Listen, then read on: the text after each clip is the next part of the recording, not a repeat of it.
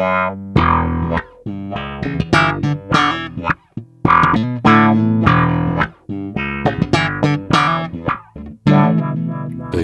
in Belgium. Welkom allemaal bij de vierde aflevering van onze baspodcast Based in Belgium, waarin we telkens één iconische Belgische bassist aan de tand voelen over het reilen en zeilen in zijn of haar muzikale leven. En dat gecombineerd met een schandalig goed glas wijn. We zijn een woensdagavond, uur en precieze datum doen er niet toe. De tijd staat weer even stil in studio Le Garage om Stijn Tondelaer te verwelkomen. Tondi voor de vrienden.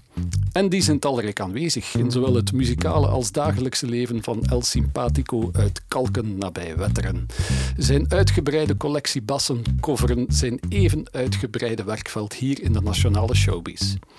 De Polonaise bij Christophe op gang trekken, onderbroekjes van bakvissen beroeren bij Niels de Stadsbader en als hulpcoach diens stoel omdraaien bij The Voice van Vlaanderen. It's all in him. Maar laat ons bovenal niet vergeten dat hij de beginsound van Bram van Parijs, oftewel de Boney King of Nowhere, meegestalte gaf vanuit de lage regionen op diens debuutplaat. En dat hij als begenadigd do-it-yourself studio-uitbater, producer en mixer artiesten van diverse pluimages steeds smaakvol van een muzikaal jasje voorziet. En dat alles op amper tien jaar tijd, want Tondelaar stamt uit het gezegende bouwjaar 83. It's all about the bass, bij Stijn kunnen we wel zeggen. Of het nu passend is om de R&B-vibe bij Laura Tesoro in te kleuren, of de Starlings bij wijze van contrabas akoestische luister bij te zetten. Het is maar een woord en het staat meteen als een huis. Op dit moment horen we voor de gelegenheid zijn wijnrode P-bass uit 64 op de achtergrond vrolijke zoomen. Kortom, het werd dringend tijd om een telefoontje te plegen en gelukkig kon die, Stijn Tondelaer, oftewel Tondi. Stijn, welkom. Ik ben heel blij dat je er bent. Ah, wat, dank je. Ik ook. het is een eer, een uh, serieuze eer. Oef, gelukkig. Want los van het feit dat we proberen een tijdloze podcast te creëren, hè, uh, we gaan nooit zeggen in welke periode dat we aan het opnemen zijn, omdat we ervan uitgaan dat iedereen ten allen tijde moet kunnen luisteren. Uh, ben ik toch wel blij dat we in de feestperiode tussen kerst en nieuwjaar zitten. Omdat ik denk dat we met jou toch wel een gezelligheidsdier als basgast in huis halen. Ja. Ja. Ja, echt waar. Um, het is een plezier um, om Stijn tegen te komen in de showbiz.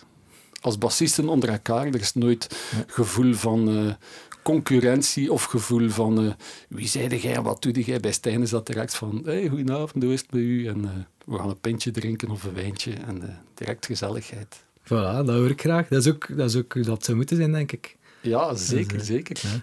Dus heel blij dat je er bent. En ja, voor mij een ongelooflijk goede reden om uh, op het eind van 2020, om toch tijdloos te blijven, ja. het glas weer te heffen. Dus first things first. First things first. Eerst de belangrijke dingen, Stijn, want uh, we zeiden daarnet dat je een uh, gezelligheidsdier bent en je hebt dat ook beaamd. Uh, is wijn een goede warme welkom voor u of toch liever bier? Um, het hangt van de situatie af, denk ik. Denk als, ik, als, ik, als we tafelen en, en, we zijn aan het eten, dan heb ik liever een goed glas wijn. En als het zo een beetje de kroegsfeer mag zijn, dan heb ik liever een goed glas bier. Oké. Okay. Ja. Ja, want het is ook een beetje een algemene regel hier in België. Als je wijn durft bestellen op een café, dan komt er meestal bedrogen uit prijskwaliteit, vind ik. Dat heeft er misschien ook mee te maken, ja. ja. ja. Dus op café is het echt bier. Ja, ja. Op café ga ik niet snel, uh, niet snel een glas wijn bestellen. Ik nooit. Ik heb dat nog nooit gedaan. Ja, ja. Nu dat ik erover nadenk. En de bieren zijn dan de, de zware toestanden, triple, uh, um, trappist of... Ja, het is ook heel situatiegericht. Hè. Een avond met de maten of een optreden gezien, dan zijn meestal pintjes. Ja. En uh, ik heb zo wel een vast café in, in Wetter, wat er redelijk wat muziek gebeurt ook. Ja. Uh, de posthotel is dat. Als okay. we daar zitten, dan is dat een kaasken en uh, ja, een trappistje. Oh. Ze hebben altijd goede bruine trappisten. Ja. En dan moet je niet eten, hè. dat is eigenlijk... Een glazen boterham ja, en een portie kaas, voilà. En Stijn Tondelaar is content. Ja. Absoluut. Ja, het hangt in de lucht, hè. het gaat hier geweldig gezellig worden. Dus Wijn kunnen we zeker plezier mee doen. Absoluut. We gaan jammer genoeg niet uitgebreid eten, helaas. Ehm, maar we gaan wel een goede fles opentrekken. In welk genre moeten we zoeken om u eh, te bevredigen op wijnvlak? Ik ben in geen geval een, een wijnkenner, maar eh, ja, ik weet wel wat ik graag lust. En bij mij zijn dat zo... ehm, ja, mag dat eerder luchtig zijn, met zo wat een kruidige toets. Dat heb ik eigenlijk wel graag. Zo te zware wijn of, of te fruitig, dat is, dat echt mij weinig. En dan eerder wit of rood? Of... Ehm, ja, dat brengt me automatisch bij rood. Mhm. Maar een goede witte die echt zo goed afsmaakt, dat vind ik ook lekker. Zeker in de zomer of ja, een, een rozeetje. Eigenlijk, voor, voor mij maakt dat eigenlijk niet uit. Ja. Maar het mag niet flauw of het mag, niet, Ja. mag geen frisdrankwijn of zo zijn. Ja. Maar los van het feit dat je geen echte wijnkenner bent, weet je wel wat dat je wilt in de Ja. wijn, wat dat je verwacht. Wel, ik weet snel of, dat ik, of dat ik het een lekkere wijn vind, of dat ik nog een glas ga drinken of niet. Oké, dat dan kan ik moeten wel, we eh. direct testen dan. Hè, want Absoluut. Bernard van uh, Vitis van Indrongen heeft een rode wijn geselecteerd. Oké. Met als eh, basisconditie dat het niet te zwaar mocht zijn, een beetje fruitig moest zijn. Ehm, en ja, is op iets eh, heel eh, origineel, rock and roll uitgekomen, denk ik. De fles staat er voor ons. Dus eh, ja, dan zal ik maar de, misschien de meest essentiële vraag van, van deze podcast stellen. En dat is, wat zit er in de bar, Bernard? Ja, nu zitten we in Oostenrijk. En meer specifiek in Gols op het Parndorfer plateau, het kloppende hart van Burgenland. Het is een, eh, een regio die zich ten zuidwesten situeert van Wenen. eh, en ligt vlakbij de Neusiedlerzee. Dat is een, eh, een denk ik, de, de grootste meer van Oostenrijk. 80 kilometer lang, 5 kilometer breed, meter 80 diep. Bij wijze van spreken, ik kan daar overal rondwandelen in de meer met mijn lengte. dus voilà. Eh, en we zijn bij mijn vriendin Judith. Judith heeft uh, enologie gestudeerd in Oostenrijk, heeft, deed stages bij Cos des Tournelles, een uh, deuxième grand cru classé van Saint-Estèphe, in Braida, een fenomeen in Piemonte, Errázuriz in Chili. En hierdoor heeft ze dus meer dan voldoende bagage om de leiding van het wijnhuis van haar vader Matthias over te nemen. Vandaar de naam Winegood Judith Beck. Oké. Ja, en Judith is ook lid van de Panobile-vereniging. Dat is een uh, vereniging van negen wijnbouwers. Zij is de enigste dame daarin. En dat is eigenlijk uh, samen met die acht andere wijnbouwers proeven ze blind natuurlijk elkaars wijnen. Ja, ja. Uh, gaan ze elkaar beoordelen van de pluk tot aan de botteling om daar eigenlijk de prijs te geven van de beste Panobile-wijnen. En Panobile-wijnen zijn wijnen die echt de typiciteit en de authenticiteit van de regio moeten uh, naar voren schuiven. En dat zijn eigenlijk dat zijn wijnen die enkel mogen gemaakt worden van de autochtone druiven, zijn de Blauw-Frankisch, Zweigelt en St. Laurent. Mooi, nooit van gehoord van die druivensoorten. En ook een vereniging, ik kom weer terug, het is opnieuw een wijn die volledig biologisch en biodynamisch geteeld wordt sinds 2007, volgens een eigen label genaamd Respect. Voilà. Dus ja, een heel interessante wijn. We hebben vandaag een wijn genaamd uh, de Beck Ink. Uh, Alright. de naam, heeft, de naam zegt, het toont het heel duidelijk als het glas neemt dat we hier echt met een wijn met een mooie inkkleur, heel ja. donker, purper, kersenrode, paarse rand. Uh, maar een wijn toch met een mooie schittering. Uh, het is een wijn uh, met, een, met een neus van... Allee, we hebben daar net even voorgeproefd mm -hmm. voordat we hier aan begonnen eigenlijk. En, ja. met heel, voornamelijk zure kers. We zitten ook een beetje op die jonge rode steenvruchten, krieken. Uh, en dan een heel discrete kruidigheid, vind ik, uh, met componenten van kaneel en kruidnagel. Uh, dus heel interessante neus. En dan ook in de mond, eigenlijk. heel sappig. Ja. Dat toont aan ook dat we weer met een hele jeugdige wijn zijn. Uh, met een fruitige aanzet, maar toch niet... En, en met tannines, maar die heel mooi zijn en, en heel zacht zijn. Uh, mooi versmolten. Dus ja, een, een, een heel krokante wijn. Uh, die, die, die, ja, zoals ik steeds graag heb. Wijnen die ja. heel mooi in evenwicht zijn. Uh, met die elegante kruidigheid opnieuw in, in, in de afdronk. Voilà. Wij drinken hem nu koud. Ik heb hem ja. een half uurtje geleden uit de frigo gehaald. Ja.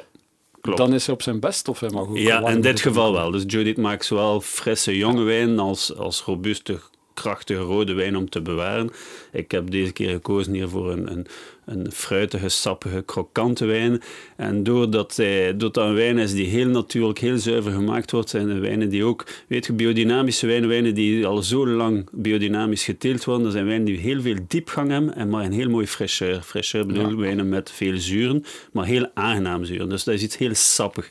En, en om het aangenaam te maken is het beter, en zeker omdat wijnen zijn met niet te veel tannines, dat je dat best cool laat proeven of drinken. Ja. Fruitig, sappig en krokant. Ik denk dat dat al een goede associatie naar Stijn Tondelaar is. Uh, want dat klinkt heel funky eigenlijk. Ja, Krokant associeer ik altijd met funky genres. Ja, ja en dat is, dat is wat dat Judith Beck doet. Hè. Judith maakt funky wijnen, maakt wijnen zoals het voelt. Zoals, ze heeft echt met gutsgevoel. Mm Elk jaar gaan ze experimenteren, nieuwe cuvées maken.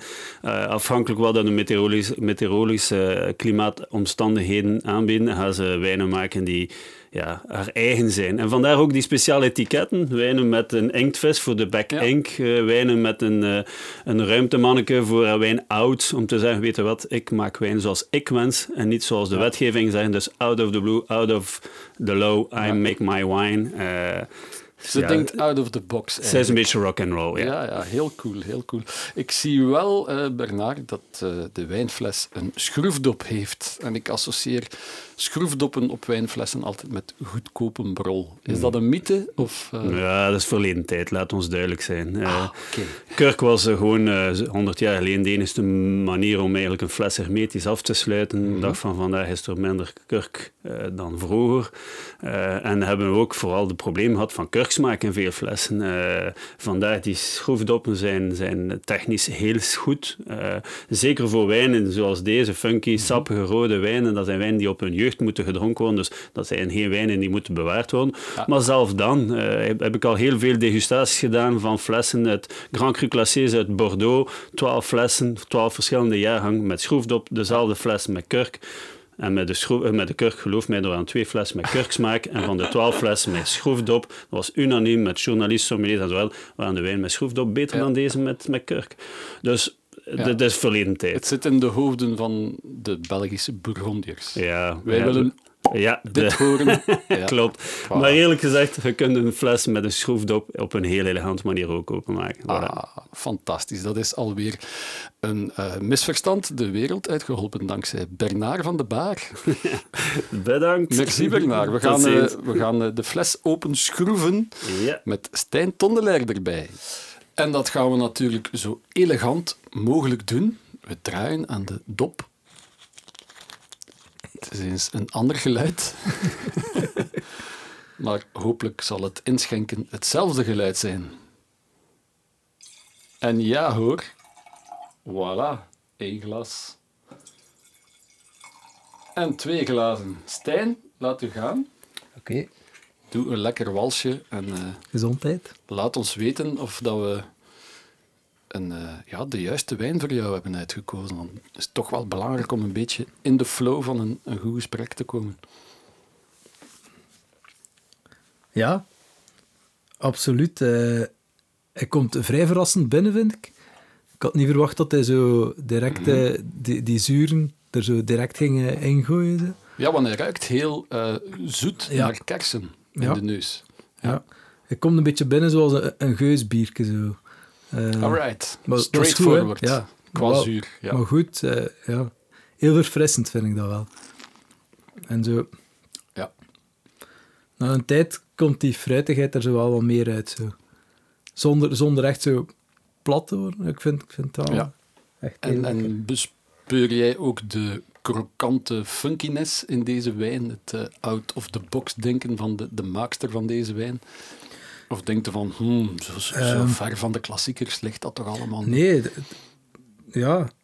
Ik ken natuurlijk weinig van wijn, maar ik Mhm. voel, ja, het krokante voel ik aan de zijkant van mijn tong.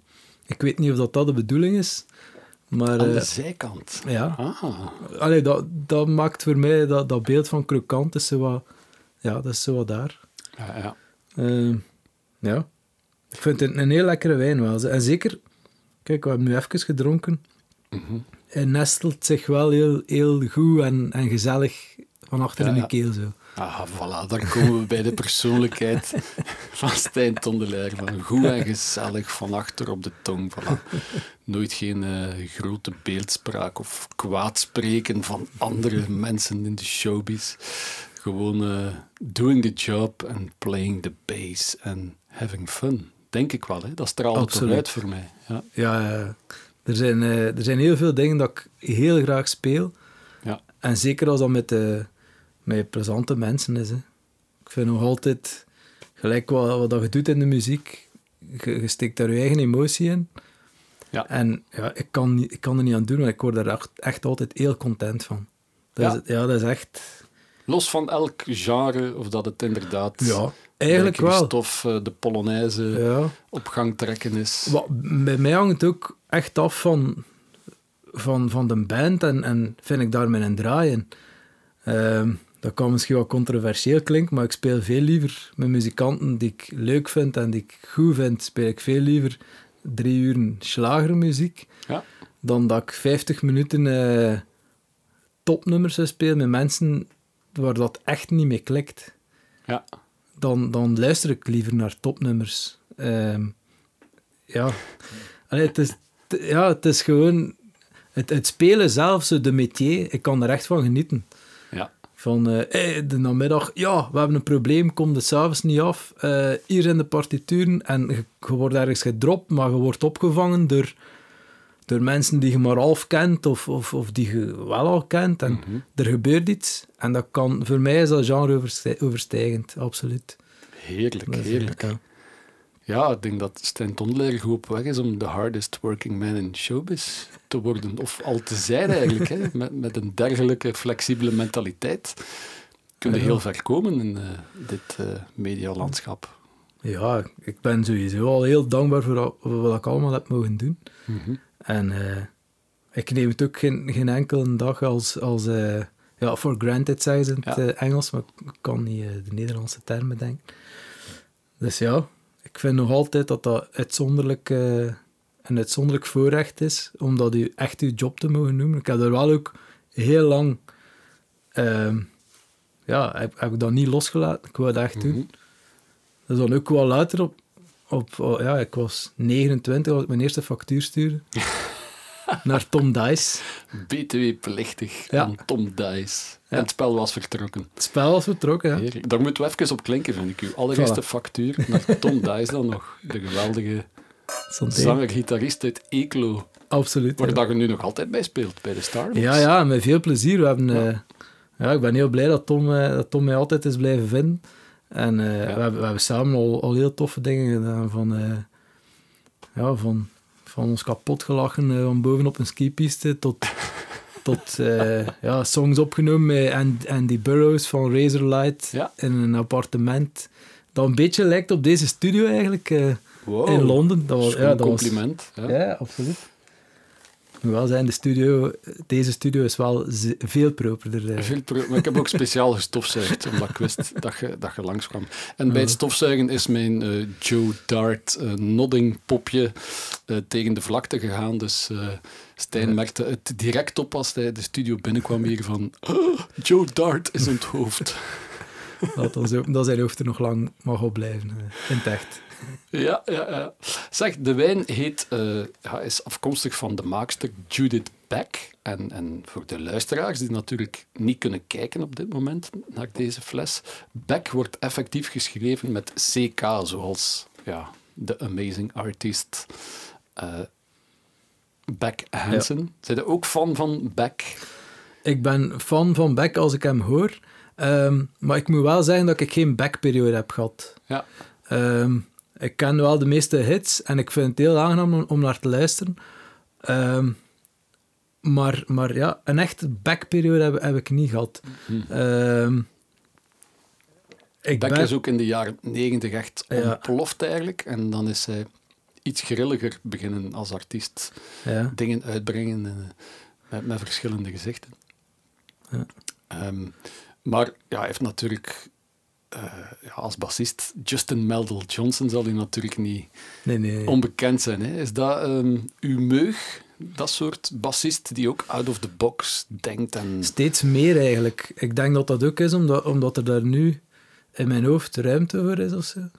Ehm, Ja. Het is eigenlijk, eh, nu dat we erover praten, ik heb van Jan de Tremery, die Ja. wel een gigantische Justin Metal Johnson fan is, eh, Ja, heb, absoluut. heb ik zo'n Mustang basket overgenomen. Ja, dit is al de tweede shout-out naar Jan de Tremmery, dames en heren. In de vorige podcast met Alan Gevaert kwam Jan zijn fantastische Harry Balls fuspedaal Heb ik ook. aan bod. Voilà. Another great user. Ja, Eh, en nu weer, ja, ja, ja, grote Justin Metal Johnson van. ja. ik denk dat wel, maar ja, op een manier heeft het dat basken toch niet gehouden. Eh, ik, ik, ik speel er heel graag op, zeker in, in combinatie met effecten. Maar de vraag was, eh, Ja, Ehm, ja, ik ben er eigenlijk zo... Spelen met effecten en zo, ik, ik ben daar eigenlijk heel laat mee. Ja. Ik begin dat nu al te ontdekken en dat komt eigenlijk eh, door de Instagram van Ian Allison.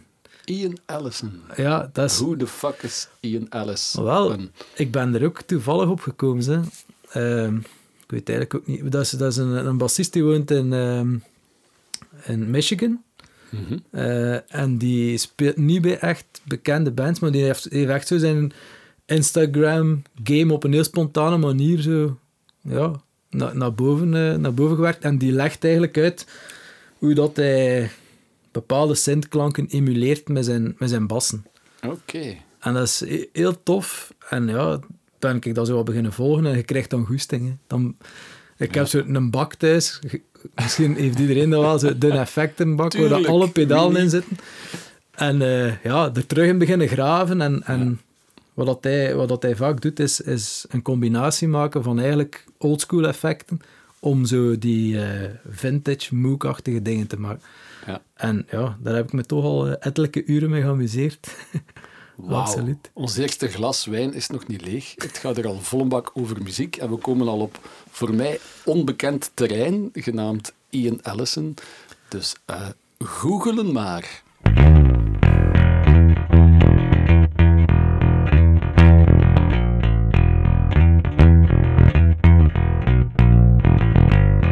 Roots, bloody roots.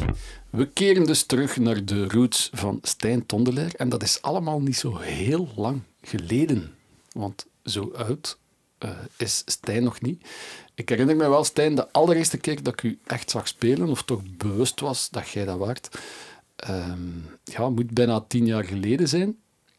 Eh, was ik gastjury op het conservatorium in Gent. Ah ja. En moest ik examens gaan jureren bij onder andere Vincent Pirens en Christophe de Visser, die toen de, de Ja. jazzbasgitaarleraar was ook. Ehm, en daar passeerde ene Stijn Tondelaar, die toch wel eh, ja, ehm, ja, zijn examen kwam presenteren. Ik weet niet meer met wie precies. Het zal waarschijnlijk bachelor 3 geweest zijn, tweede of derde jaar van de opleiding.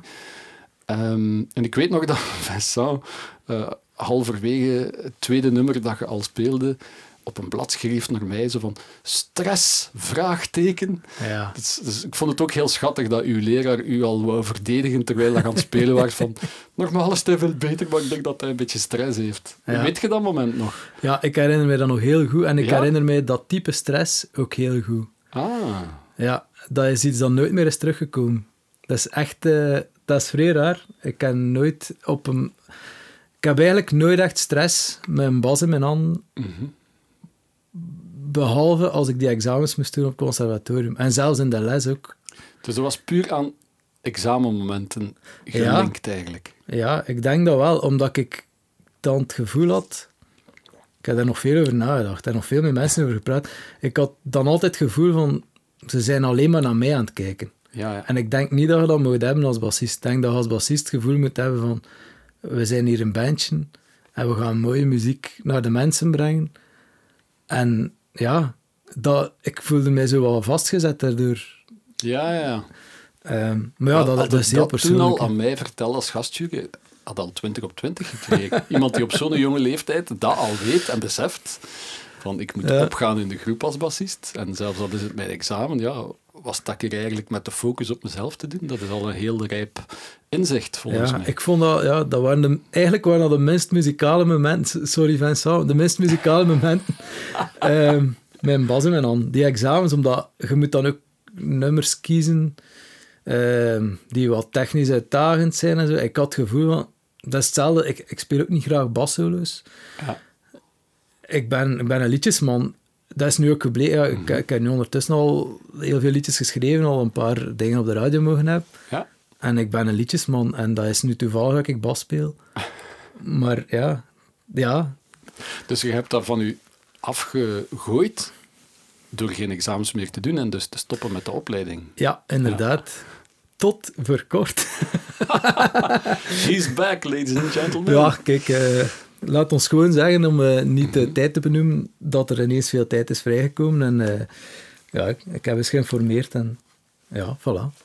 En je had toen de bachelor afgemaakt? Ik heb ehm, eigenlijk mijn... Ja, nee. Ik, ik, het ding was, ik heb eigenlijk nooit op het conservatorium gezeten als, als puur student. Ik Ja. heb eigenlijk een diploma van leraar eh, buitengewoon onderwijs. En dat ben ik altijd blijven doen. En daardoor heb ik mijn eh studies op het conservatorium kunnen bekostigen. Ehm, dus dat was altijd een, mijn, mijn curriculum was altijd een afweging van wat lukt er met mijn rooster van mijn werk. Ja, ja, ja. Ehm, en ehm, dus daardoor heb ik, eigenlijk, ben ik eigenlijk al redelijk ver in de masters. Heb ik credits gehaald. Maar ook nog een paar dingen van de bachelors. dat is eh, een lappendeken bij mij. Waar dat we nu proberen een klein beetje patchjes bij te naaien. hè.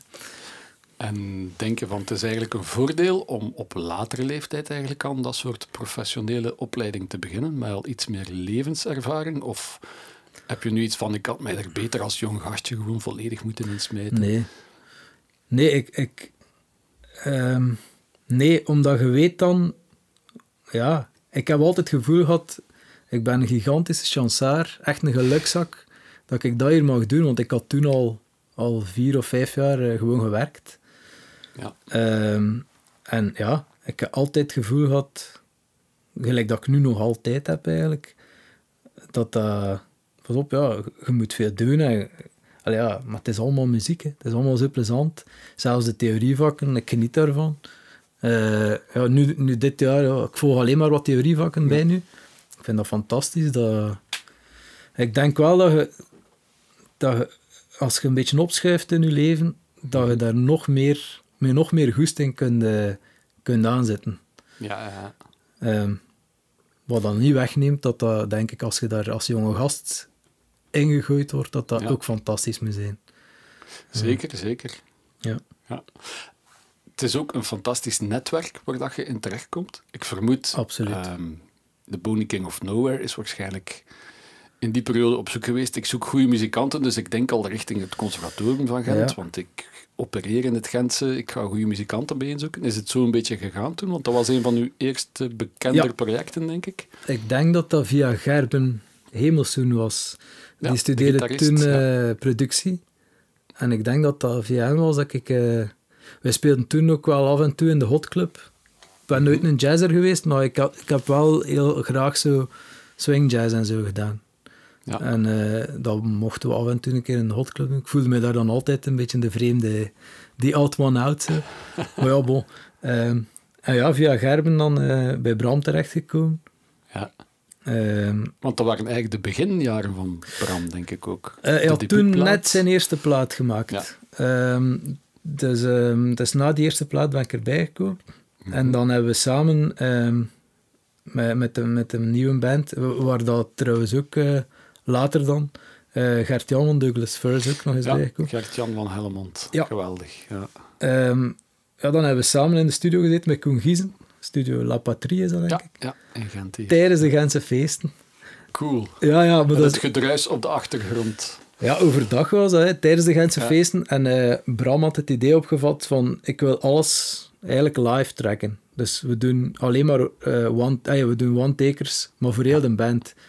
Dus op die manier hebben wij, vandaag kunnen we denk ik toch gemakkelijk, Bram de perfectionist als hij is, 30 takes gedaan tijdens de Gentse feesten. Serieuze ervaring neem ik aan op dat moment. Dat was heel, heel tof, ook omdat ik had wel al wat studio mogen doen, maar Koen zijn studio, dat, is, dat heeft geen glas. Toen was dat toch niet, ik denk nu nog altijd niet. Hè. Dat heeft geen glas of zo. Koen zit gewoon tussen de muzikanten. Ja. Koen heeft ook een gigantische backline van allemaal Analoog. Super lekkere dingen. Uh, dat was mijn eerste keer dat ik een LA2A dichtbij zag. Cool. Uh, dat ik een, een bassman, uh, dat ik daar ja. kon doorspelen. Allee, was fantastisch. Dat was echt leuk. En, en ja, ik heb er heel erg van genoten. Ehm, dat was een hele toffe tijd. Ja, dat zijn dingen die je ook niet direct in je conservatoriumopleiding kunt leren. Hè? Een hele dag aan een stuk organisch opnemen, ja, take nee, na take.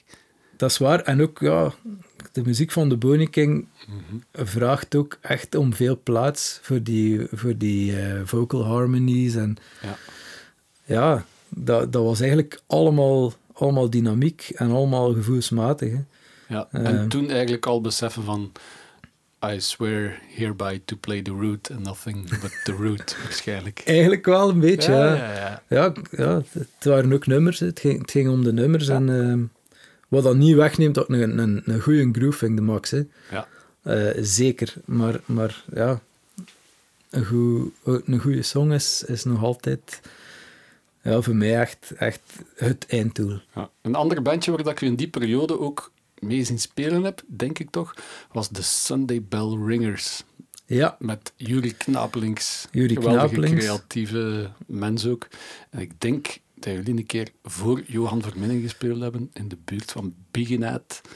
dat En kan. ik ging toen vervangen bij Johan Verminnen. Ik denk dat ik u daar voor de allereerste Ah. keer met een grijze Fender-bas, zo, een jazz S1 Ja, of- een witte, een witte met een zwarte slagpraat. Ja, denk het. Toen was, voor de eerste keer gezien heb, maar toen besefte ik nog niet dat jij die Stijn waard die dan later op het examen zo gestresseerd ging zijn. ja, inderdaad. Het is allemaal een beetje left field natuurlijk, hè? en Ja. zoeken in bandjes. Hoe, van waar komt de switch dan in één keer naar de, de, ja, de main road van de Vlaamse showbiz, waar dat zowel de slager als, als eh, het populaire poplied op je afkomen, of de commerciële grooves en vibes bij Laura Tesoro. Dat gebeurt natuurlijk niet zomaar, maar Ja, het ding is wel, ik, heb altijd, ik ben altijd al een grote fan geweest van popmuziek van de jaren 60 en 70 en 80. En ja, op het moment dat, dat de Sunday Bell Ringers eh, gingen spelen, dat ik bij de Boney King mocht spelen, ik, ik ben wel nooit gestopt met daar naar te luisteren. Ik ben eigenlijk altijd clandestien echt een popgast geweest. Nu moet ik dan niet meer clandestien zijn, maar zelfs helemaal in het begin, als ik eh, mijn eerste basgitaar kocht, ja, ja, mijn, mijn moeder, ehm, fantastische vrouw, wij hadden thuis alle cassettes van Tien om te zien. ja. Allemaal. En Soul Sister hadden we. En eh, de Blues Brothers. De, heerlijk. dat, Ja. was het, dat was het ook. En echt nog cassettes. Cassettes, ja. Als relatief jonge Ja, ja, ja. werkende bassist heb jij nog de cassettes meegemaakt. Ja, ja, ja. Maar ja, dat was ik, ja, 14 jaar. Maar mijn, mijn moeder is ook is geen actieve muziekbeluisteraar. Dus dat is gewoon wat er leuk is op de radio. Daar luistert ze naar. Dus ja, ik ben groot geworden met ja, tien om te zien. De Blues Brothers en Soul Sister. En eh, ja, dan mijn... Via de... Eigenlijk, ja... Ik vind het altijd fantastisch wat Duck Dunn eh, gedaan heeft op al die stacksplaten. Amai niet. En dat is ook nog altijd waar mijn, mijn bashart ligt. Hè. Ja, En zo, ja. ja. Zo een beetje die less is more vibe, maar, maar echt, ja, Vandaar dat de Precision toch ook meegekomen is naar de Ja. podcast. Ja. ja, ja eigenlijk wel. Ehm, alhoewel dat ik, dat, ik, dat ik heel vaak op een jazzbas speel, Mhm. zowel bij Niels als bij, als bij Laura, was altijd jazzbas, omdat ik vind dat dat beter zat in die muziek. Ja. Bij Niels heb ik al een paar keer Precision geprobeerd, maar je hebt daar twee gitaristen die nogal graag een tele vastpakken. En ik heb het gevoel dat in een jazz daar wat beter rondkruipt, Ja, ja, dan dat hij mee in dat midrange gaat zitten. ja. Ehm, Tele is heel scherp natuurlijk. Ja. ja, wat dat fantastisch werkt. Maar, eh, ja. Maar dus ja, eigenlijk, zelfs toen dat ik bij de Boney King speelde, toen dat ik bij eh Sunday Bell Ringers mocht spelen, dan, ja, ik had wel altijd een, een pophart. Zo. Ja, ja. Ehm, Dus dat is er dan volledig eigenlijk uitgekomen op het moment dat je dan deze stadsbader af en toe zijn stoel ziet omdraaien om enthousiast te zijn over een zanger. Ja. Zeg jij de hulpcoach die dan in een heel showbiz circus ja, ehm, immer smiling, positief, eh, ja, ten strijde moet trekken. ja. Ehm, Is dat iets dat je verwacht had dat u dat ging overkomen? Absoluut dat u dat gingen vragen? Of, of droomde daar stiekem van, als je dan zo'n pophart hebt, kan ik me wel inbeelden dat je echt wel met Hit Parade-artiesten wilt eh, samenwerken ooit. hè? Ja, ehm, ja, ik vind dat al sinds heel plezant om dat te doen. Ja. Ik had nooit verwacht dat ik eh, hulpcoach van The Voice ging mogen zijn. Eh, sowieso niet. Ehm, maar ik ben wel heel blij dat Niels dat aan mij gevraagd heeft. En ik denk ook wel dat ik daar goed in ben. Om, op menselijk vlak dan. Ik moet nog heel veel leren. Dat is ook ja, duidelijk. eh, je komt daartoe, dat is inderdaad een circus. Ja. Maar je hebt wel al wat, je hebt wel al een rugzak, dus je weet ook van, ja, je kunt ook gewoon dingen vragen. Je kunt, eh, ik kende ook iedereen van het bandje, dus dat was Ja. ook al goed. Ja, dat is van eigenlijk het leukste aan hulpcoach zijn met The Voice, is dat je gewoon een hele dag naar Roberto Mercurio mocht luisteren. Ik ging het juist zeggen, ja, de geweldige Roberto Mercurio staat daar eh, zeer bescheiden met zijn klaksken en zijn kop naar beneden. Ongelooflijk te grooven. Dat moet geweldig zijn als je dan in je in tijdens zo'n uitzending hoort wat dat die gasten uitsteken. Dat is eh, zeker waar. Maar los daarvan denk ik ook dat uw, uw songwriter skills wel aangesproken worden. Want om te coachen moet je toch echt, gelijk dat je eruit bent, naar het liedje in zijn geheel luisteren. Ja. En of dat, dat dan de Boney King of de Sunday Bell Ringers of een popsong van Niels de Stadsbader is, je moet Mhm. daar wel je ding gaan in, eh, in vinden. Ja, dat denk ik wel, maar dat is iets wat ik eigenlijk, waar dat ik het altijd vrij, allee, ik, ik, ben niet, ik kijk echt niet naar, naar genres, totaal niet. Eh, Ik probeer echt gewoon te kijken van, oké, wat is de song, wat heeft de song nodig? En, en vooral, ja, in het geval van The Voice, wat moeten we met die song doen om dat bij die artiest te laten passen? Want ik geloof niet dat je een artiest in een song kunt duwen eh, tegen zijn of haar goesting. Ja. Je kunt wel een beetje tweaken en zo. Natuurlijk in een, in een format als The Voice Ja. zit er natuurlijk met het feit dat het een tv-programma is, ehm, waardoor dat je sowieso overruled kunt worden door producers Ja. en redactie. Ehm, maar dat is een heel leuke samenwerking gebleken. Eh, we zijn er nog altijd mee bezig, dus ja, ja. dat is echt eh, ja, veel plezanter dan dat ik gedacht had. Dus, eh, Ja. En, en dat zet ook poorten open naar uw studioervaring opkrikken waarschijnlijk, want je moet ook Ja. niet alleen gaan nadenken over eh, wat is de beste baslijn in een liedje, maar hoe gedraagt de zanger zich in dat nummer? Zit dat Ja. jasje als gegoten? Ehm, zijn dat dingen die u daarin gevormd hebben ook? Of is het net uw studioervaring door zelf thuis een studio te hebben? Ja, eh, dat je kunt meenemen naar The Voice, om, om daar dan meer als producer ook te denken. ik denk dat eerder dat is. Ja, Ehm, ja, ik heb ook ehm voordat dat Miguel, die Niels zijn muzikale broeder is, ja, dat hij mee kwam spelen in een band, was ik altijd een MD. ja. Dus ik heb dat drie jaar gedaan, denk ik. Daar heb ik ook heel veel geleerd. Ook van Niels zelf, omdat Niels heeft een, een heel duidelijk beeld van wat hij wil. ja. Hoe dat hij er wil uitzien. En, eh, en hoe, dat hij, hoe dat hij wil naar voren komen. ja. Ehm, en ik ja, denk want dat... hij, dat hij, hij kan zijn publiek pakken als geen ander. ja. Dat is, dat is een.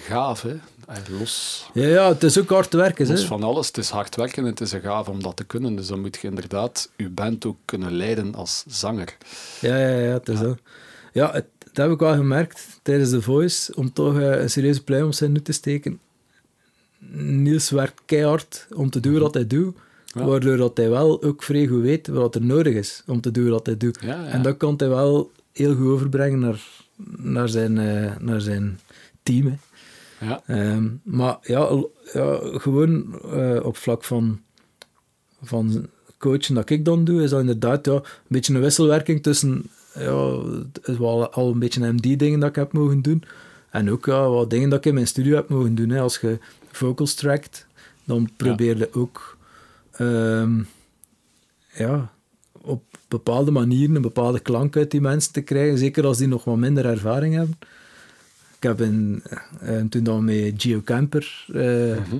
hebben opgenomen bij Tom Lodewijks, ehm, was Eva Jane Smeek daar eh, om Geo te, te coachen. vocal te coachen. En ja. daar heb ik ook heel veel, tips van... Allee, ja, ik zat er gewoon bij eigenlijk, Ja. maar, maar Steal with your eyes. ja, ik stond soms versteld van... Die zei twee zinnen, die zei, doe dit, denk dat, en Ja, bam. Dat is eh, een soort van telepathie eigenlijk. eh kneden op afstand.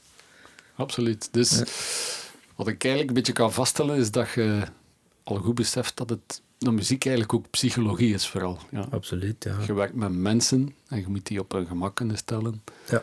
En eh, ja, ik denk dat dat ook voor u als bassist uw extra kwaliteit is die je hebt. Eh, als je zegt van, ja, ik speel niet graag solo's. Ja, daar moet iets tegenover staan, denk ik. Van, ja, als je inderdaad geen solo speelt of niet de flashy, eh, fastest bass player on earth wilt zijn, wat is uw meerwaarde? Maar ik denk dat we het nu wel gehoord hebben, Ja. dat uw unieke invalshoek ligt. Is dat iets waar dat je bewust van bent, van dan moet ik echt uitspelen? Of is dat Nee. gewoon iets dat organisch groeit? ja, nee, dat is echt niet Ja, iets waar ik bewust mee bezig ben. Ik ben wel bewust bezig met niet flashy uit de hoek te komen als ik speel. ja, Dat wel. Dat heeft ook te maken met de artiesten waar ik mee speel. ja. Ehm, ja, dat vind ik wel een belangrijke. Om, om echt eh, een beetje ja, wat zelfbeheersing te hebben en, en echt het moment te kiezen. Ja. En op geen enkel moment de muzikaliteit in het gedrang te laten komen door... Ik heb Ja. hier nog een wijze film die ik al een paar keer gestudeerd heb. Zo. Yeah. Wat, wat dan niet wegneemt, ik kan echt keihard genieten van, van al die chops wat dat die mannen... eh, allee, ja. Ja. Maar de muziek moet er ook naar zijn. Hè. Ja, De, de, de dingen die ik mag doen, ja. die vragen daar niet om. Alright. Dus zo. Dus ja, Stijn Tondeleer weet waar de klepel hangt. Zo simpel is dat.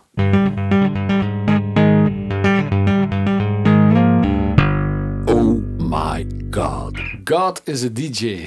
Horen we wel eens in de hitparade. Maar ehm, in deze podcast is eh, God een bassist. En mijn vraag is natuurlijk... Welke bassist is de god van Stijn Tondeleer? Ja, dat is, dat is moeilijk. Hè. Ik denk dat iedereen al gezegd heeft. Eén naam, de du choix. Ja. ja, dat is waar. Ehm goh, ja. Gelijk, ja, Jamerson, Duck Dunn, dat is voor de hand liggend. Maar als we dan toch nog even iets meer e- eigen tijd gaan, dan, dan vind ik Nathan East wel echt... eh, De eh, cleanere popmuziek, hè, die Ja. je ook met de paplepel en het cassetje van je moeder zit ingegeven. ja, absoluut. Ja, Ja, ja. dan is zeker. Nathan East inderdaad de referentie. Hè. Ik vind dat hij echt eh, heel goede lijn bewandelt tussen virtuositeit en eh, het, het liedje spelen. Ja. En wat dat hij allemaal niet onder een nummer kan steken van, van goodies en, en dingen waar dat je als bassist je vingers en duimen kunt bij aflikken, zonder dat een luisteraar daardoor gebruskeerd wordt. Dus ja, Ja. dat is fantastisch. Super melodieus hè, en, en Ja. altijd in de harmonie echt wel de grenzen opzoeken. Ja. Ik heb ooit een workshop bij hem gevolgd eigenlijk, toen dat ik zelf op het conservatorium Oh, zat. Ja, ongelooflijk amabele mens is dat.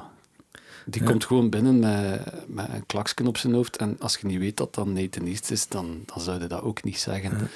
Ehm, en die vertelt ook, gelijk dat jij een beetje zit, met heel veel liefde en dankbaarheid zo over... eh, ja, of dat nu Madonna of Michael Jackson was, of eh, Eric Clapton, Ja. hij met heel veel plezier uit, zodat hij zijn ziel in iets gestoken heeft. En hij heeft toen ehm, een nummer van Clapton eigenlijk een beetje geïllustreerd hoe dat hij erop gespeeld heeft. En dat was... ehm oh, ik ben even zijn titel kwijt. Ah, Change the World.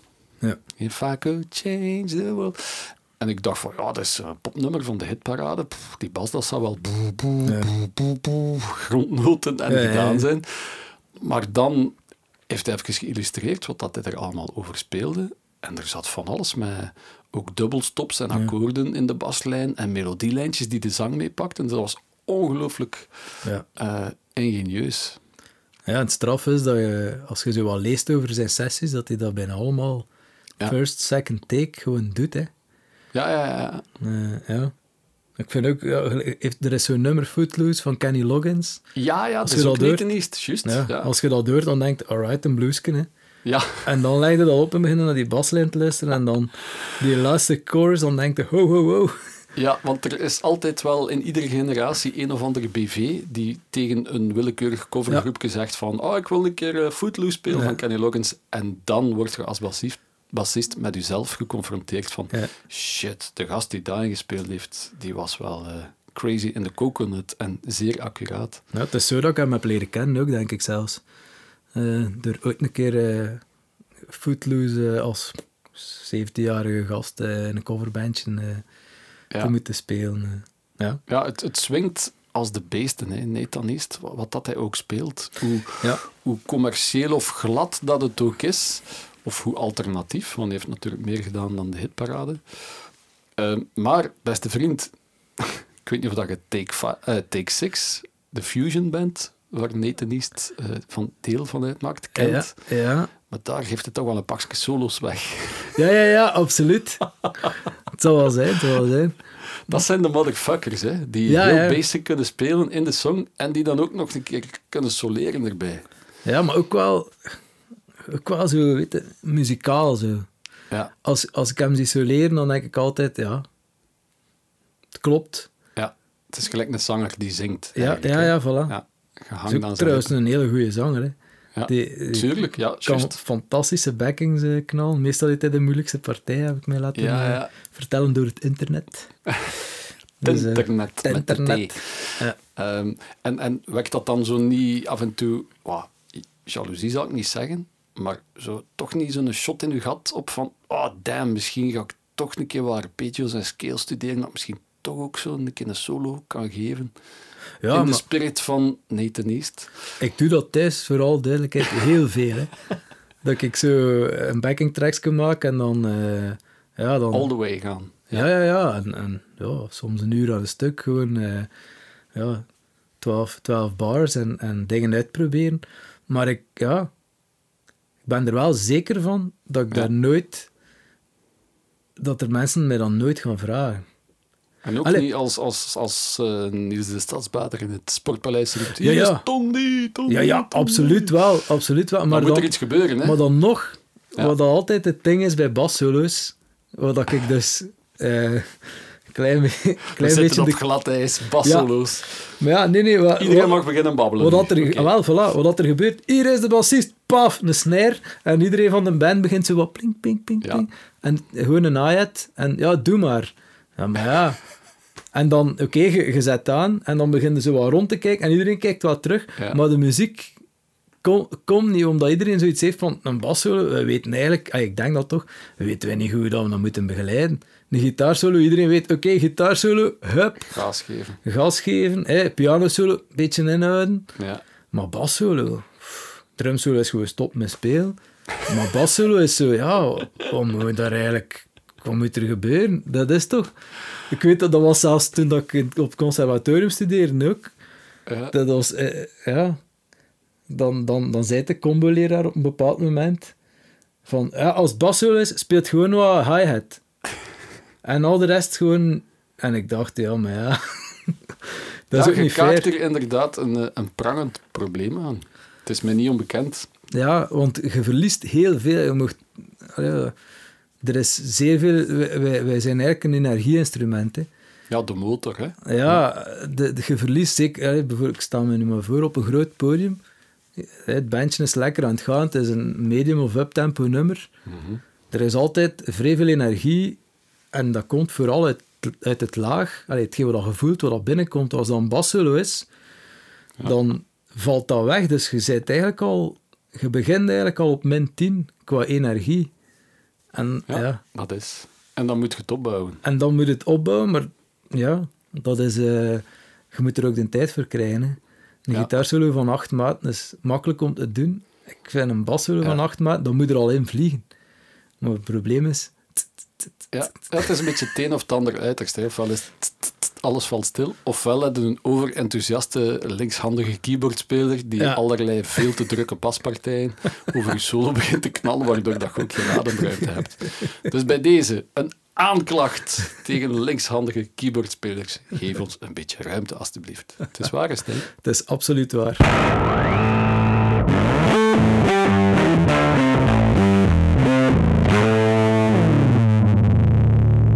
Sluts. En terwijl we nog een slok rode wijn achterover slaan, moeten of mogen we het hebben over materiaal. Gear.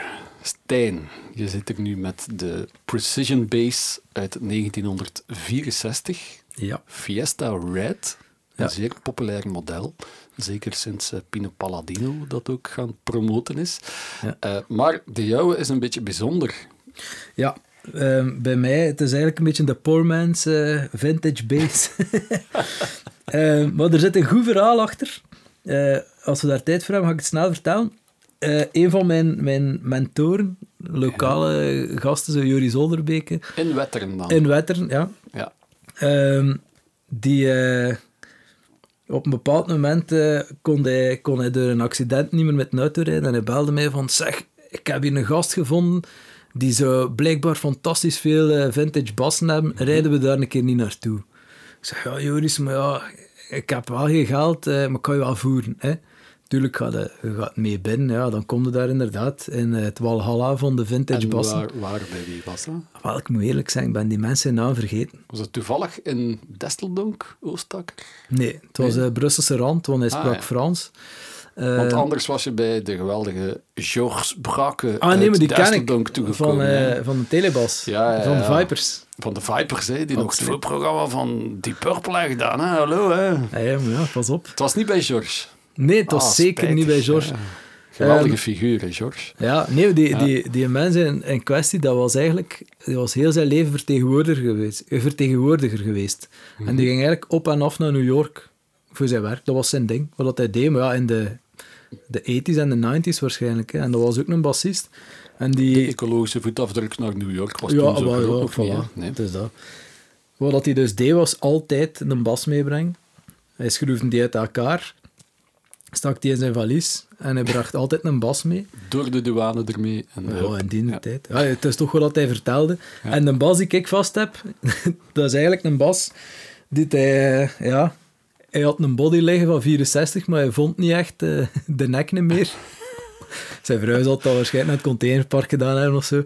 Hij had Dus- iets te veel bassen al gedemonteerd Ja, ja, op het vliegtuig. En, blijkbaar. eh, verkeerd geassembleerd. Ja, en dus hij heeft er eh, een nek opgezet van een, een jazzbas van 86.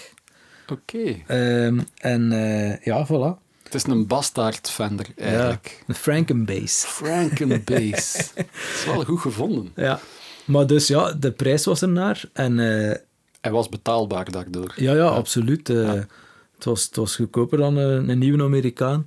Ehm, Cool. dus ik dacht van, ja, kom, we, we gaan dat doen. Hè. En dan, eh, ja, Peter de Smet, de, de luthier, is er Ja. eh, ook zijn ding mee gedaan. En sindsdien is dat eigenlijk eh, Ja, ik ging het juist vragen, want de jazzarm is smaller Ja, maar de, dan de B-arm. de neck-heel is hetzelfde. Ah, oké. Dus ehm, ja, de, de, de breedte waar dat de, de hals in de body komt, is hetzelfde. Je ziet het ook. Er is, ja, is oké. Ze zeggen altijd, je moet kijken naar eh, wat er Ja. niet te veel speling is tussen hun body Ja, en hun nek. Dat is hier wel ja, een beetje, maar ja, bon. Ehm, Oké, Stijn, laat uw hybride bas een keer horen. We willen weten hoe dat ze klinkt. Hè. oké. Ja, oké.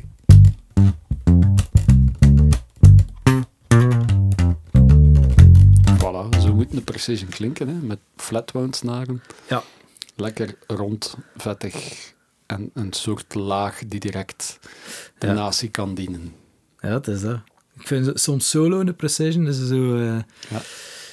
veel, eh, veel mensen vinden dat niet proper genoeg. Ja. Maar ik denk er altijd over na, gelijk, gelijk een velcro. Daar zijn er haakjes aan, aan de klank. Ja, ja, dat, is ook, ja. Dat, dat is ook waarom dat er zoveel saturatie ge- gestoken wordt op van alles en nog wat. Hè. Dat, is, Mhm. dat plakt en dat pakt en dat, dat, dat blendt veel beter dan. Hè. Een ding is ook zo, hè, we, daar, spelen er eigenlijk door, door een emulatie, een fliptop van Ampeg is ook Ja. allemaal eigenlijk... De mayonaise pakt direct. Hè. Voilà. Zeker ook met een basdrum erop en zo. Het is altijd prijs eigenlijk met de Ja. Precision. Maar er zitten heel veel beestjes in uw collectie, denk Ja. ik. Want als ik u online zie eh, in, in de lockdown tijden met de, de side guys, Ja. dan, dan hoor ik heel diverse sounds en zie ik iedere keer een andere basgitaar. Ja. Ook een contrabas. Ja. Dus eh, je bent ook een van de, de weinige uh, hybride spelers die zowel de akoestische contrabas bespelen als, als de basgitaar. Ja. Wat zijn zo de andere main axes om uw jobs te doen of, of om u mee te amuseren? Welke bassen inspireren er u het meest uit uw collectie? Wel, eigenlijk allemaal. Dat, dat vind ik eigenlijk het leukste aan zo'n een collectie, is dat je daardoor geïnspireerd geraakt. Ja. Uh, maar, maar ja, het is inderdaad een collectie geworden. Het is al far beyond... Uh, we gaan hier kopen wat we nodig hebben om onze job te kunnen doen. Het is echt, ja, een verlenging van de passie. Hè. Ik hoor het graag zeggen, eigenlijk allemaal, maar uh, het internet met de grote T heeft me wel verteld dat u uh, leuze in het leven less is more is. Ja, dat is, is waar. Less is more, comma, but more is even more? ja, daar pakte mij wel eigenlijk. Hè. Um, ja, Want nee, less is more... een fantastische five-string van de ja. Elite, ja, denk ja, ik. Ja, ja. Lakland ook? Een Lakland, ja, ja. Eh, die, die Fender Elite is er eigenlijk uh, een beetje gekomen omdat die, omdat die Lakland iets te breed is om... Mm. om allee, ja, het is een, een topinstrument, die 5-string. Zeker voor die prijs van Lakland, fantastisch. Maar, maar die een Elite, ja... Ik had die toevallig een keer vastgehad. Dat is een nieuw soort nek dat een beetje van een vintage feel naar een... Ja. Uh, in de laagte naar in de hoogte, zo van een contemporary... Ja. ja, dat is ergonomisch is dat fantastisch. Ik, ben, ik heb ook niet zo groot aan. Um, maar uh, ja, het is ook echt gewoon een beetje gelijk vintage car collectors. Hè. Ja. Of, of whiskyverzamelaars. Uh, ik zit er gelukkig wat tussen. Schuldig. Ja, wel. En, en het is ook, ja... Ik probeer eigenlijk alle sounds in mijn stal te hebben die ik zelf tof vind op plaat. Ja, want ik, ik um, vraag me af, je hebt natuurlijk uw eigen stijl en uw eigen keuze van ik ga voor basic en om het liedje te dienen. Maar uh, ja, check gerust een aantal YouTube-video's waar dat Stijn in meespeelt. En je gaat bijvoorbeeld een heel clean, eerder steriele Fender Jazz Bass sound die mm. heel uh, scherp klinkt horen. En nu vandaag horen we een heel doffe, muffe precision bass. Is dat omdat die klank van de gear dan een andere inspiratie geeft? Ja, absoluut. Ik denk, ik denk dat iedereen dat wel heeft kan je helemaal anders spelen op, uh, op een jazzbass met round wounds dan op een precision met flats. Ja. Um, ja, dat, dat inspireert en dat is ook leuk in, in de studio, zeker in een dag van vandaag. Je moet dan een keer een remote sessie kunnen doen en zo. Ja, ja dat is, eigenlijk is dat tof, want dan kun je echt... Kiezen wat je wilt. Ja, ja, en ik neem altijd wel redelijk wel grief mee naar een sessie. Heb je toch veel gitaar. Mm -hmm. um, maar... Uh, ja, het is... Ik ga er echt naar spelen. Als ik op zoek ben naar zo'n bepaalde klank, dan, dan pak ik een basken en dan... Uh, ik, ga, ik ga nooit... Ja. En uh, Nathan East, uh, indachtig, ja. uw god van daarnet... Eén van mijn goden. Heeft het dan ooit gekriebeld om de Yamaha BB uh, Signature Nathan East bas te kopen? Of is dat dan weer te veel credit? lijkt het dan te veel op iemand anders? Um, ik denk dat Nathan East altijd Nathan East zal blijven. Op ja. gelijk welk instrument. Gewoon om de reden dat hij alleen maar op instrumenten speelt waarop dat hij Nathan East kan zijn. Ja. Um, ik heb die bas ooit een keer vast gehad. Ja, dat is niets, niets voor mij. Um, vroeger deed hij veel met die BB... BB uh, en dan een nummer, BB 3000, ik weet uh, Wat dat in principe een precision is met, met een jazz in the bridge. Ja. Um, ja, dat is een precision, hè. Ja. Allee, ja, dat is... Ook zijn, zijn signatures heeft er zo'n paar met, met precision element in. Ja. Ik vind nog altijd... Er zijn... Allee, van als dat je, dat een precision element op een bas zwiert, ja. dan weet je gewoon dat dat een precision wordt. Ja. Want dat is ook het ding. Wat dat zo wonderlijk is, vind ik, aan dat element. Je kunt een bas kopen van 5000 euro met een precision element. Mm -hmm. Je kunt een bas kopen van 150 euro als je chance hebt. Squire bijvoorbeeld. Ja, Squires van tegenwoordig. Ja, ik, al mijn leerlingen die vragen, ja, ik wil wel een vintage sound, moet ik kopen? Ja. Ik zeg, ja, koopt zeker. Je gaat u daar nooit aan miskopen. Hè. Zeker nu niet. verkoop hem niet als hij goed is. Ja, daar hebben we het al over gehad, op voorhand. In de voorbereiding, maar misschien ja. moet het wel even vertellen, want ik zit met een gelijkaardige frustratie. Ja, ik had ooit... Uh, de geweldige kans om een, een, een heel toffe Japanese uh, Squire te kopen van 1983, een, een Precision. En ik heb die verkocht voor, ja, ik durf niet zeggen voor hoeveel. Ja. Uh, het, was, het was ranzig. Ja. het was veel te weinig. En ik heb er, ja, dat is een van, eigenlijk de enige bas waar ik echt spijt van heb. Ook gewoon weten, ja, 1983 is mijn geboortejaar. Dat is zo wel bon ja, met stemmen van je geboorte. Maar dat was ook echt gewoon een goede bas. Achteraf bekeken wist ik toen nog niet wat dan een goede precision was. We hebben het er juist over gehad. Als je dat bloot hoort, een precision, dat klinkt eigenlijk ja. gelijk een oud, een. Hè. Ja, dat is. En, maar het blendt geweldig. Ah, wel, maar dat, op die moment toen ja. was, was, ik daar eigenlijk te ignorant voor om te weten van, ik moet dat houden. Ja, ja, ja. ja. Ik, ik ken dezelfde verleiding. Ik heb ooit een uh, Squire van begin de jaren 2000 van 350 euro, Classic Vibe. Ja. Dat was al zelfs niet meer de hotte periode uit Japan. Ja. Dat was uh, de Chinese Squire. Um, die trouwens wonderlijk was afgeregeld vanuit de fabriek. Nog nooit Ja. niet meegemaakt. Je kunt daar chance mee hebben. Hè? Ja, ik heb die bas. Ik doe altijd bassen naar Pol Belgrado als ik iets koop, omdat ik weet dat moet goed staan, want dat komt uit de fabriek. En ik weet nog dat Pol zo uh, vanuit 2 meter en 10 hoogte, als dat dat is, die bas naar beneden duwde in mijn gezicht toen dat ik ging af en zei van, het is 0 euro. Baas Chaneuzen hebben dat heel goed afgeruild. En ik heb die dus ook verkocht, omdat ik Oh. dacht van, ik heb nu een andere pie gevonden die echt wel nog next level gaat zijn. En dat is ook effectief, Ja. maar toch het gemis aan die eerder gebrekkige P-bass van Squire, die niet alles kon, maar toch dat ene ding wel, dat heb ik nooit teruggevonden in die nieuwe P-bass. Ja.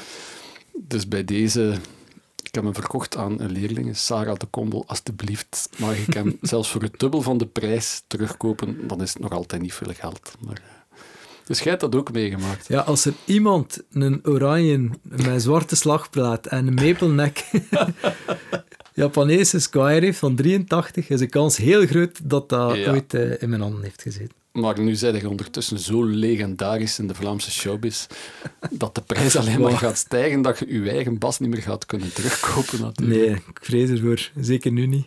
Dus, eh, nee. Ja. Maar gear eh, is ook pedalen, is ook amps. Ik zie je niet zoveel met amps spelen, dus ik veronderstel dat je je eh, passie voor sound dan stort in DI's of preamps. Ja, ja. Eh, aangezien dat je ook heel veel rechtstreeks op de PA speelt en met in-ears, veronderstel ik. Eh, wat is daar zo uw holy grail op dit moment? Ik gebruik eigenlijk altijd eh, zo'n Noble amp. Ehm, DI, dat is eigenlijk een, ja, een Jensen transformer, zo'n een, een, een J48 Ja. DI van Radial. Van Radial, ja. Met twee lampjes voor en een, een basboost en een treble boost. Ja. Maar dat klinkt heel tof en dat geeft mij zo juist genoeg haakjes, waar we het al over hadden, juist genoeg blend, eh, om, om met de steriliteit van die oortjes toch toffe dingen te kunnen doen. Ja, ja, ja. Ja, qua amp heb ik eigenlijk al heel mijn leven dezelfde. Ehm, als het echt, als het erop aankomt, speel ik altijd op een Ashdown amp. Ja, Ik heb die gekocht als ik 16 jaar was. Eh, Zo'n ABM. dat, ja. Toen dat ja, zo. toen ja. dat nog in, in, Londen, eh, in Groot-Brittannië zat. Ja, dat is een Eh. beetje de mix van, ik denk zelfs de ontwerper van Trace Elliot, Ja, het die dat is opgestart, hè, Ja, of de circuits getekend heeft. ja, ja, het is, Vandaar dat het een klein beetje erop lijkt, maar het is een mix tussen Ampeg en... en ja, het is ook zo eigenlijk, het is, het is een solid state met een, een, Een lampje erin een lampje nog, ja. erin. Maar ik vind dat fantastische bakken. Ik heb daar ook de volledige tower van. Een 4x10. Serieus, dat is full stack. Een 4x10 en een 15. Dat ik nooit meer samen eh, Nee. naar buiten haal. Maar ja, Maar als je in het Sportpaleis speelt, zijn er toch roadies genoeg om die stack gewoon, al het maar voor de show, een keer op het podium te zetten. ja, eigenlijk wel. Maar ja, van tegenwoordig moet er allemaal heel goed uitzien. Hè.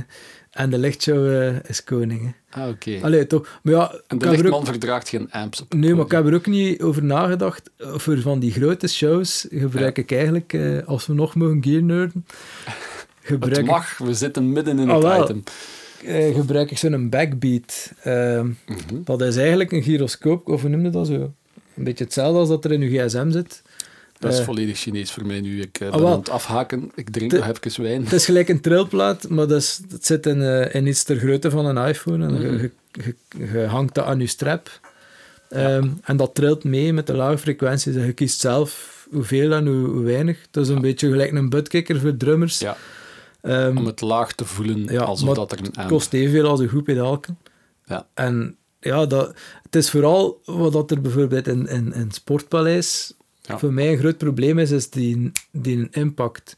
De moment dat jij speelt, wilde jij pa, boom horen. Ja, En dat, dat- komt veel later. Dat komt later. De, de, het gros van de energie komt later. Ja. Dus als je dat al wat kunt bijpassen, met zo'n met zo een bakje, dat doet wel veel. Dat is, eh, daar, eh, ja, daar heb ik dat echt goed kunnen gebruiken. En, maar Ja. voor, voor, de rest van de shows, we- meestal hebben we het geluk om met hele goede Ja, mixers te werken.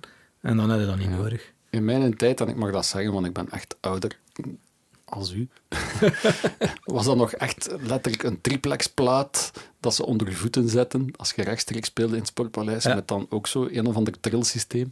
Ja. Maar ik vond dat eigenlijk te goed klinken.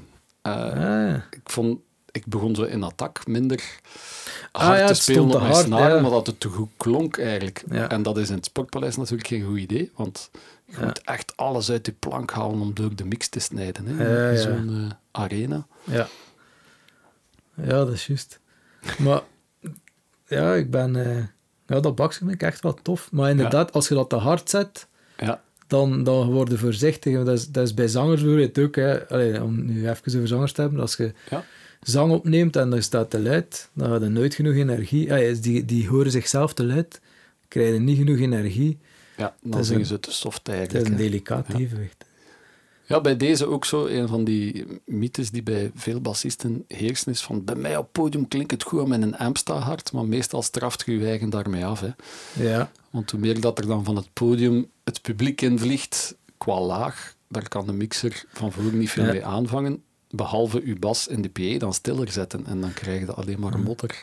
ah, wel, daar, daarvoor gebruik ik dat ook. Dat is Ja. eigenlijk voor heel grote shows en heel kleintjes. Als we zo een Ah, café, een café doen bijvoorbeeld, hè, dan, dan hang ik dat in mijn broek. Omdat ik weet, ik ga wat meer bas willen dan dat er eigenlijk leuk is om naar te luisteren. Ja. eh, voor, voor een niet-bassist. En dan kan ik dat daar wat bijdraaien, waardoor ik het gevoel heb van, ah ja, ik heb genoeg oemf, en dan moet ik mijn amp niet luider zetten. En dat werkt ook wonderwel eigenlijk. Dat is, eh, Alright. Ja. Goeie tip. ja, Merci. Eh had het eerder in deze podcast al gezegd van pedalen waren niet direct uw ding of van u besteed. Vanaf een bepaald moment wel. Dus er is zo een klein bakje ontstaan ook. ja. Ehm, wat zijn daar de, de tips en tricks van Stijn Tondelaer? Ehm, goh, ik gebruik nu al eh, ja, serieus een paar jaar eigenlijk een, een, een compressorken voor alles.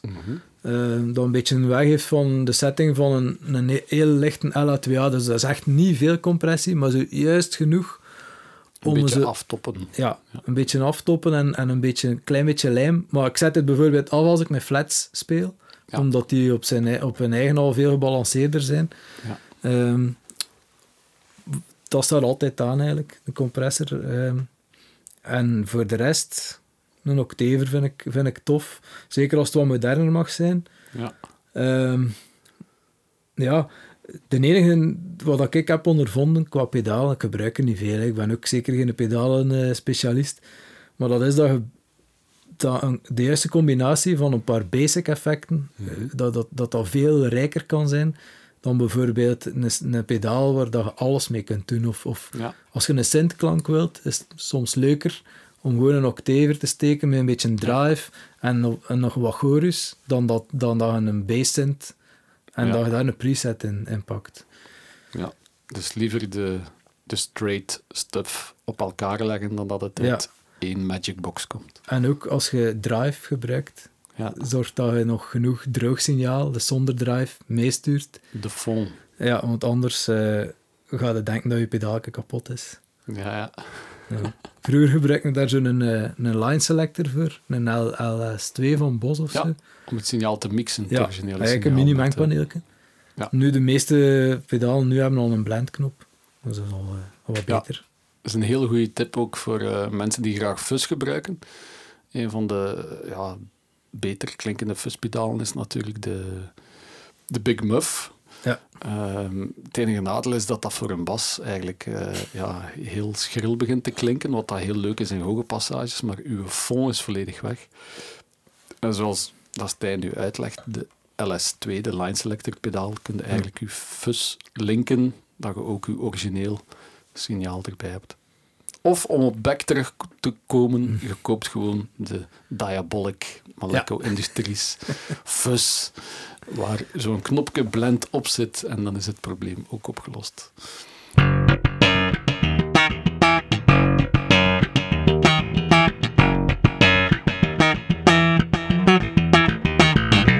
Advice for the young at heart.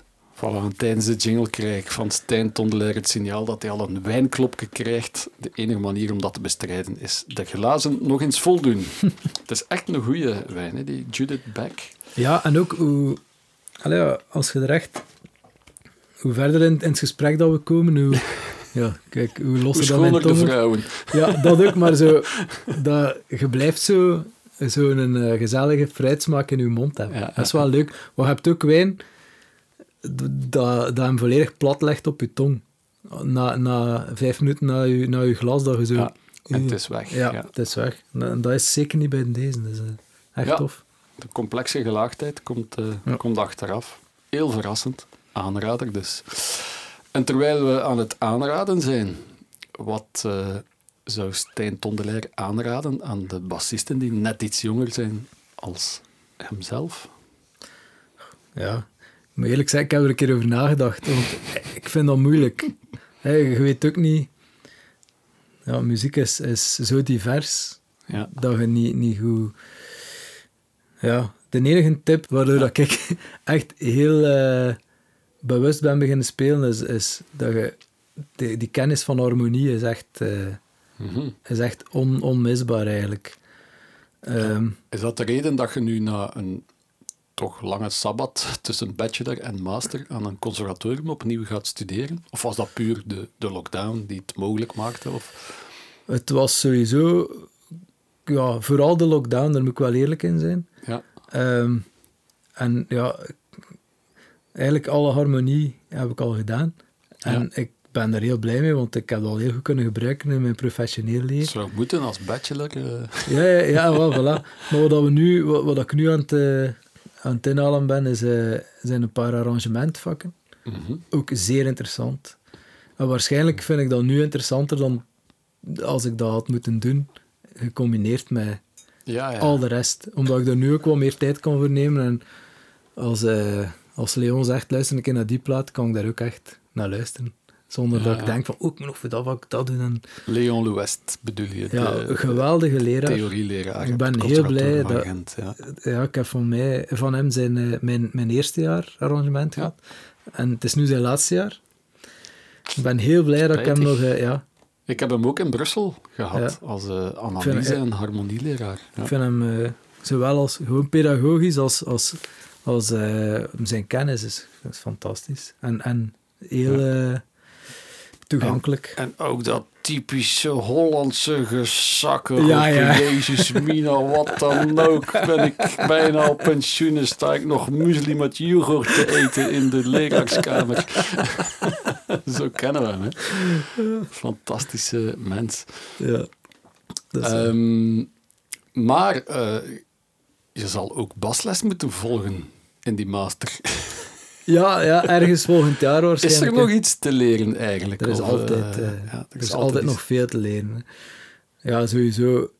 Ik denk ook niet over mijzelf na als... als Mhm. eh, ja, van, ik weet alles al, absoluut niet. En ik denk ook eigenlijk, zelfs gelijk wat dat je niveau is. Hè. Ik denk dat de, Ja. de... Als je denkt, ik weet alles al, dan, dan wordt het niet meer leuk. Hè. Dan is het spelletje eraf. Dan, dan, eh, ja, ik denk dat alle muzikanten een beetje kin blijven in de zoektocht. Ehm, en dat ze altijd opnieuw verrast worden. Hè. Ja, ook dieper dat je duikt in de muziek. Ja. hoe, eh, En dan ineens komt er dan een Thundercat boven, dat je denkt, wow. ja Eh. vooral zijn fills. Ja, wel, ja maar, maar ook gewoon, ja, of, of een, een mononeon, waar dat je Ja. denkt van, oké, hoe moet ik daar in godsnaam aan beginnen zelfs? Ja. Ja, er zijn ook veel dingen waar ik niet veel zin heb om aan te beginnen. Maar, maar gewoon, ja, het is, het is, het blijft zo leuk en zo interessant. En, en, en ja, ik denk niet dat er ooit een moment gaat komen waarop ik het ga hebben van, ja, oké, is goed. Ik Ja. heb alles geleerd wat er te leren valt. Ik denk dat er dat bijna niemand heeft eh, van, van de muzikant. Ja. En Ja. als er op een dag plots eh, het moment komt dat Stijn Tondelaar, eh, hoofdleraar Bas, ergens op een of andere hogeschool is, wat moeten de, de jonge gasten dan zeker mee in hun rugzak hebben? Eh, sowieso denk ik dat ik, ik ga... eh, als ik les, ik geef ook wa- wat les nu. En Ik, ik, ik, doe nog, ik ga nogal chronologisch. Als je pop doet, begint er heel veel bij de blues. Als je jazz doet, trouwens ook. Alles. Ja, ah, wel, ja, voilà. maar, maar ja, ik denk ook dat je... ehm, ik hoorde... Ik weet niet meer wie dat zei. Onlangs. Ik weet niet meer, ik ben het vergeten. Dat is nu wel ja- jammer. Maar die zei, alles is er eigenlijk al. Je moet het gewoon Mhm. horen en oefenen. Ja. Ehm, Niels de Stadsbuiter heeft dat misschien gezegd. Nee? ik denk het niet, maar, maar eh, ja, ik vind, ik vind eh, ik kan niet op het woord komen.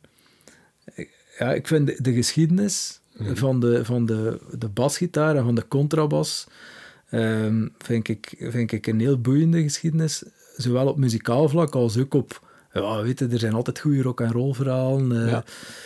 Het zijn ook schoon instrumenten. en Je kunt, je kunt er zoveel eh, voldoening van hebben, maar ik denk dat je sowieso moet teruggaan naar de essentie. En gelijk dat het nu is, was de essentie vroeger gewoon eerst tuba en dan contrabas en dan basgitaar. En Ja. dat is echt geëvolueerd. Hè. Ja, 1 en 5, één, ja, soms keer een 3 erbij, tot, eh, Ja. ja, tot wat dan niet Niest allemaal doet, wat dat, al die zotte mannen allemaal doen. Maar, maar wat, dat de men, wat dat in de mensen een oor ligt, want dat is eigenlijk vaak als ik ja, een, een beetje een dooddoener van mij is, ik probeer er redelijk snel die pentatoniek in te, in te steken. Ehm, en dan zeg ik altijd tegen mijn leerlingen, zeker als ze wat ouder zijn, maar je kent dat, dat zit, dat zit al in je oren. Ja. Baslijn, pentatonische baslijn, iedereen kent dat. Hè. Zo, Ja. zo van die... Absoluut. Ehm, dat- dat, zijn, dat zijn hoekstenen waar, dat, waar dat iedereen zich nog altijd op baseert. En ik ook. Hè. Ja. Ehm, Het, het is iets fysiek ook in de mens, denk Ja. ik. Want er is een geweldig filmpje op YouTube van Bobby McFerrin, Ja. de jazzvocalist, die op eh, een congres voor pakweg duizend man eh, komt uitleggen. En dit zijn zelfs geen muzikanten. Het zijn managers of zoiets die, die een workshop komen volgen om beter te kunnen projecteren met een stem. En hij legt eigenlijk de pentatonische toonladder uit op vijf minuten en mensen kunnen van A tot Z mee zingen, terwijl dat hij springt van de ene noot naar de andere. Dus het, het moet iets in onze natuur zijn. ja, absoluut. En daarom dat de blues waarschijnlijk ook de basis van, van alles is. Ja, en toch, toch van onze, onze westerse popmuziek. Hè. Er zijn ook... Ik ken er heel weinig van, maar er zijn, er zijn ook andere culturen waarin dat die pentatoniek absoluut niet, eh, niet ligt, maar waarin dat hij ook werkt. Dat is eigenlijk nog het grappigste van al. Ja. Ze kennen dat daar niet, pentatoniek, maar je speelt het en het werkt. Ja. Dus eh, ja. Maar ja, dat vind ik... Ja, dat is een, een goede basis. Het is ook een basisinstrument, weet je. Het is, als wij kiezen om de harmonie te veranderen, dan Ja. zal de harmonie veranderen. Voilà. dat is wat dat Sting ook zei over wat Ah ja, er voilà. zo super is aan basspelen. Ja. Dat is dat eh, de gitarist zal geen C-akkoord kunnen spelen, tenzij dat wij er een dikke C onder leggen. Voilà, Voilà. dat is waar. En zoals Miles Davis al influisterde, it's all blues. Ja.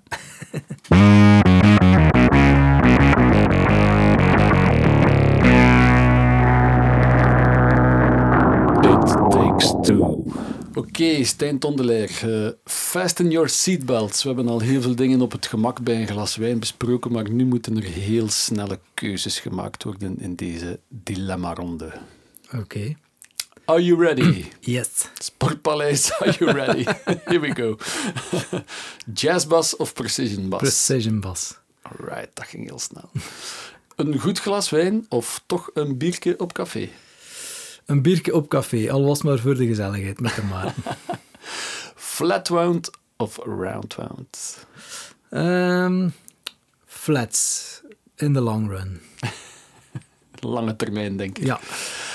DI of Ashdown stack? Full stack, hè? Ja, Ashdown Stack. Toch, yes. Ja. Niels de Stadsbader of Bram van Parijs? Niels de Stadsbader. Five string of four string? Four string.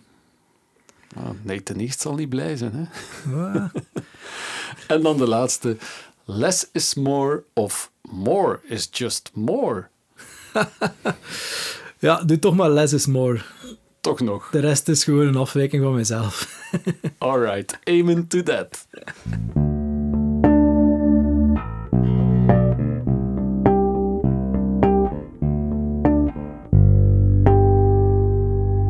Famous last notes. Oké, Stijn, de Frankenbase, of hoe, Ja. hoe was het? Ja, ja, ja. Fra- Frankenstein? Nee, Frankenbase, de Frankenstein Frankenbase uit Maakt eh, niet uit. 64. hè. De hybride jazz-arm op de P-Bass body van 64. Zit nog altijd op je schoot. Ja. De vraag is natuurlijk, wat zou je spelen op dat favoriete instrument als je weet dat binnen vijf minuten de wereld zal vergaan? ja, ik dacht, als ik dan toch een P-Bass met flats op mijn schoot heb, dan moet er wel... Een vingervlugge solo. nee, nee.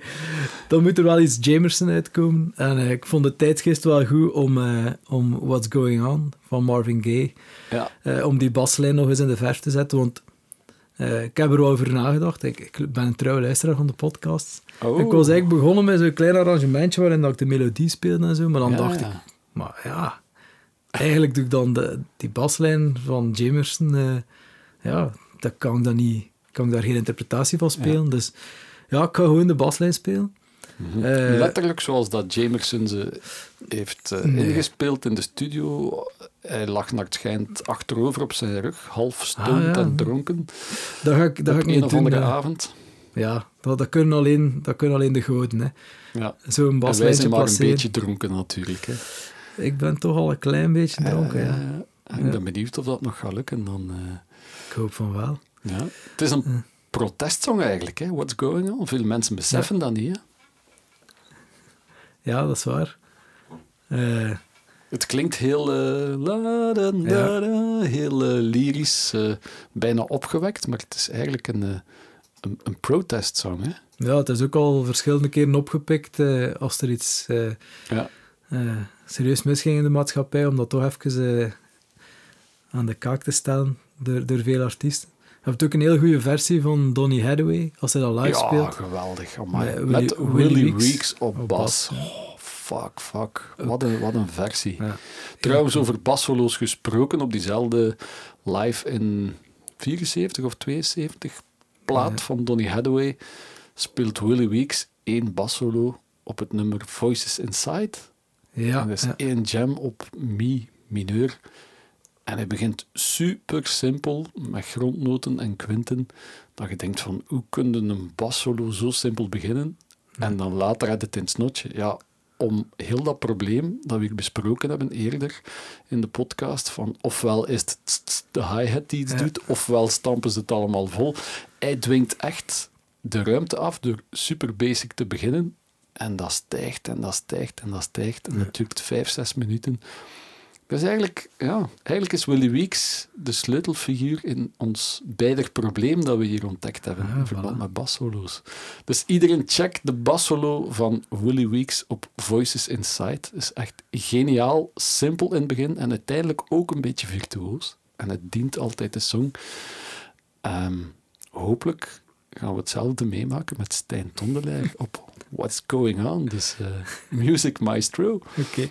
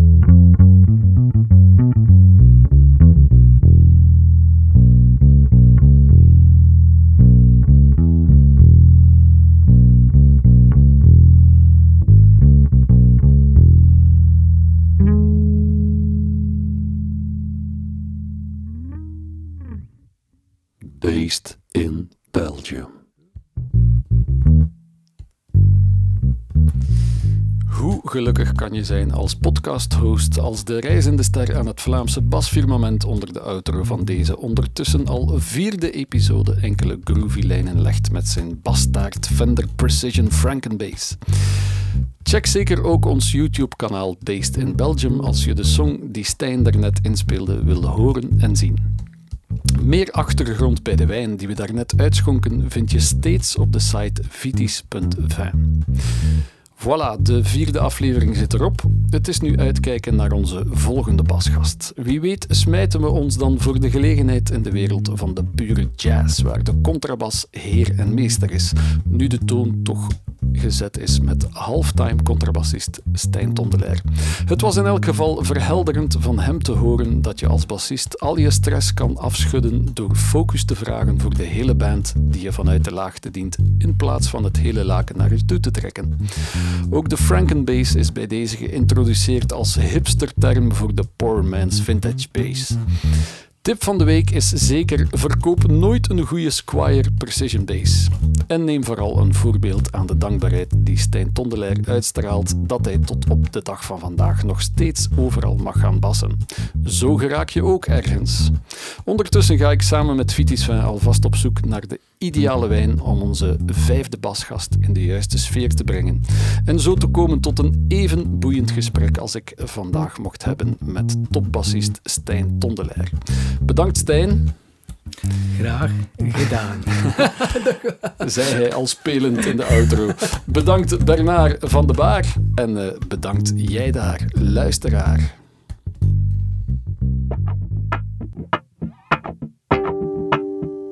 Wow.